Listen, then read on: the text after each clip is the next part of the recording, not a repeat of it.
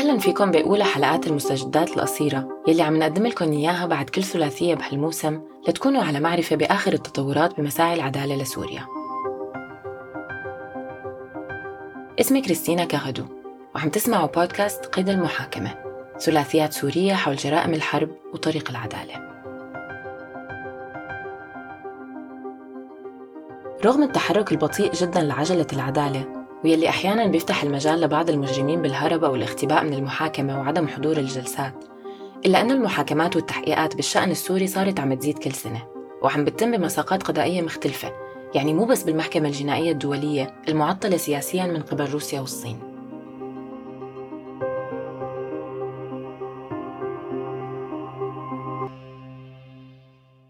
نبدأ الحلقة بمدينة لاهاي الهولندية وتحديدا بمحكمة العدل الدولية. المحكمة الأعلى بالعالم يلي شهدت يوم تاريخي ب 10 أكتوبر 2023 مع بدء جلسات متعلقة بقضية تعذيب المعتقلين والمعتقلات في سجون النظام السوري.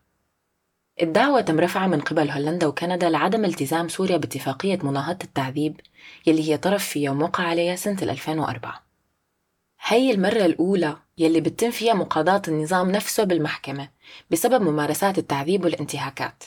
بحالات سابقة كانت عم تتم مقاضاة أفراد اشتغلوا سابقا لصالح النظام واللي بتكون رتبهم منخفضة إلى متوسطة مثل أنور رسلان وإياد الغريب. لهيك فينا نعتبر إنها قضية تاريخية رغم الإحباط الناجم عن أنها أخذت وقت طويل لتنعرض على المحكمة. وصفت الدعوة انتهاكات سوريا للاتفاقية بأن انتهاكات ممنهجة واسعة النطاق وكان في تركيز على جرائم العنف الجنسي والعنف القائم على النوع الاجتماعي بمراكز الاحتجاز.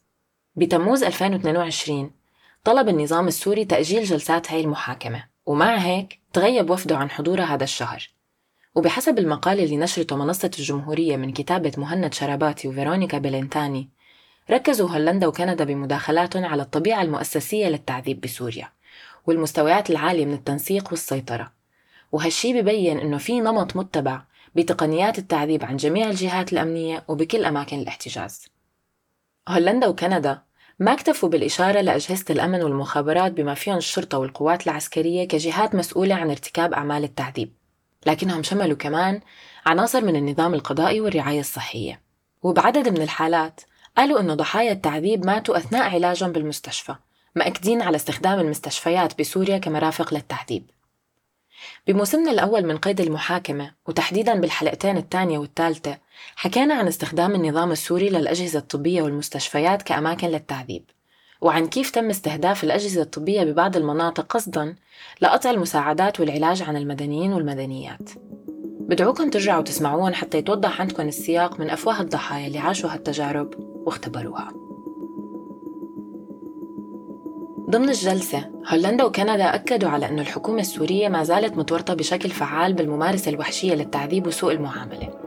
وأشاروا أنه تم توثيق 15 شخص على الأقل من يلي لاقوا حتفهم تحت التعذيب من وقت ما تم رفع القضية أمام المحكمة بحزيران 2022 بهالسياق شددوا هولندا وكندا على أنه مش ممكن الاعتماد على سوريا للامتناع بمحض إرادتها ودون أمر ملزم من المحكمة عن ممارسة أعمال التعذيب وأشكال سوء المعاملة ضد سكانها ولهالسبب طلبوا من المحكمة الإعلان عن تدابير مؤقتة لمنع المزيد من الوفيات والمعاناة. خارج المحكمة وعلى مدار ساعات وأيام قبل الجلسة اجتمع عدد كبير من عضوات وأعضاء مجموعات الضحايا والناجين والناجيات والناشطات والناشطين بوقفات داعمة للقضية. وبحسب شبكة النساء الآن التجمعات ما كانت فقط بلاهاي وإنما كمان بعدة مدن بالشمال السوري والسويدة واللي تم فيها رفع صور لضحايا التعذيب والإخفاء القسري. ولافتات تانية بتأكد على أهمية هالمحاكمة. على فكرة في إمكانية لمتابعة هالجلسات عبر الإنترنت من خلال البث المباشر على الموقع الإلكتروني لتلفزيون الأمم المتحدة. غياب ممثلي النظام عن المحكمة ما بيعني عدم مشاركته بالقضية على الإطلاق أو إنه القضية رح توقف نتيجة هالشي. بالعكس تماما رئيس المحكمة أشار أنه المحكمة بتأسف لغياب الجمهورية العربية السورية وأضاف بنهاية الجلسة أنه المحكمة رح تصدر قرارها بشأن التدابير المؤقتة بأقرب وقت ممكن. وبعد هيك رح يكون في فرصة لكل الأطراف إنهم يناقشوا القضية بجولات مكتوبة من المرافعات واللي رح تستمر لسنوات قبل ما المحكمة تاخد قرار نهائي وملزم.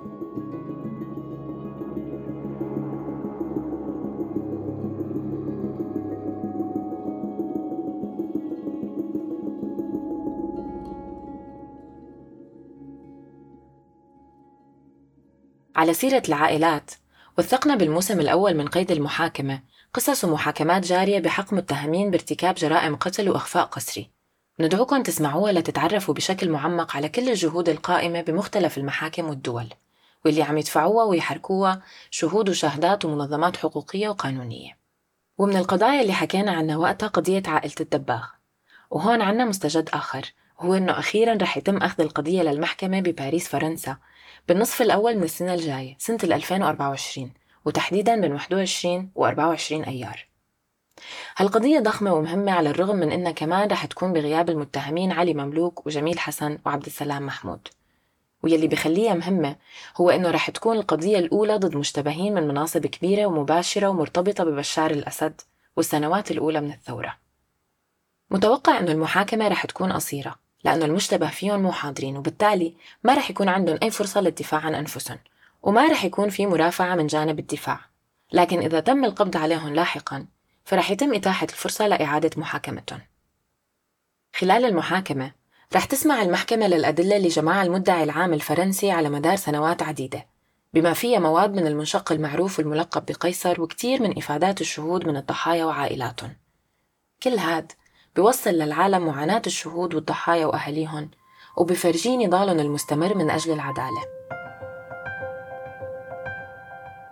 هاي كانت أبرز المستجدات بهالحلقة القصيرة ندعوكم لمتابعة أعمق إذا كنتم مهتمين بآخر التطورات عبر الروابط اللي تركنا لكم إياها بالوصف المكتوب للحلقة نتلاقى الأسبوع الجاي لنكفي بحواراتنا ونبدأ بالثلاثية الثانية ويلي منركز فيها الحديث على آثار الجرائم المحتملة المرتكبة بسوريا من مختلف الأطراف على كل ما هو غير بشري مثل الموروث الثقافي، العادات والتقاليد، اللغة، البيئة، ذكريات، البيوت والأراضي والممتلكات.